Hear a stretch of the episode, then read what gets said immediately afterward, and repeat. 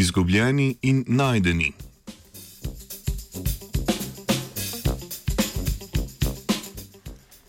Živimo v času velikega izumiranja živalskih vrst. Po ocenah znanstvenikov je hitrost izumiranja živalskih in rastlinskih vrst primerljiva z obdobjem, ko so izumrli dinozauri.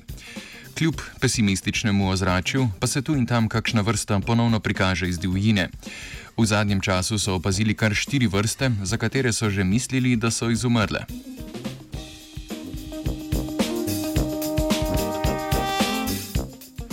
V Indoneziji so znova odkrili Wallaceovo orjaško čebelo, ki so jo na zadnje opazili leta 1981 in so zato mislili, da je vrata vrsta izumrla.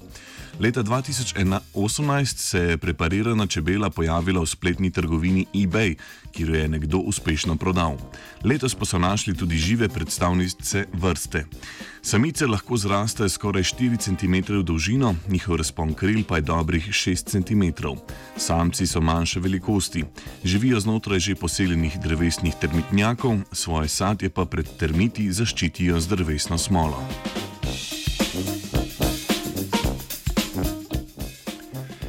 Po več kot stotih letih so na Galapaškem otočju ponovno opazili pripadnico vrste Ferdinandska velika želva. Ocenjujejo, da je stara približno 100 let.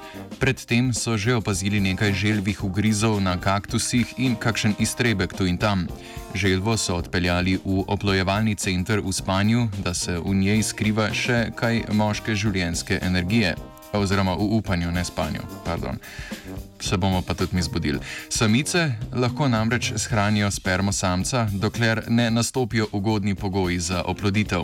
Na otoku, kjer so jo našli, so pogosti vulkanski izbruhi, ki so v zadnjih stotih letih kopno že skoraj popolnoma prekrili z lavo.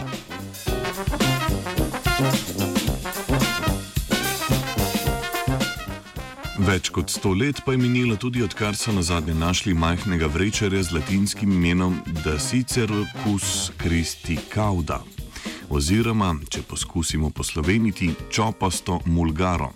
To je avstralska endemična vrsta malih mesojecev, ki jih močno ogrožajo drugi vretenčari, kot so zajci, lisice in mačke.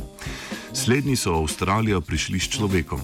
Čopasta mulgara je velika približno 20 cm, tehta okoli 150 g, prepoznamo pa jo po debelem kosmatem repu.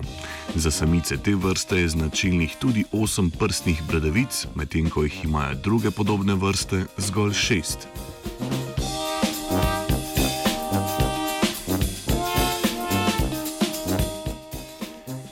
V naravnem rezervatu Laikipija v Keniji pa se je pred objektiv britanskega fotografa postavil črni leopard.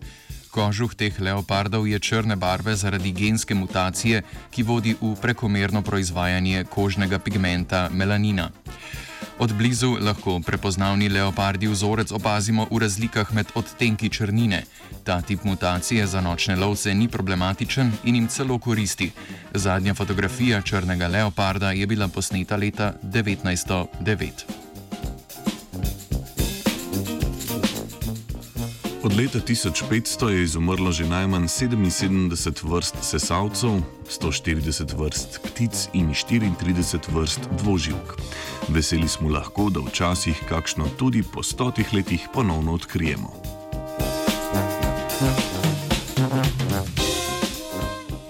Na novo je vrste iskala Urša.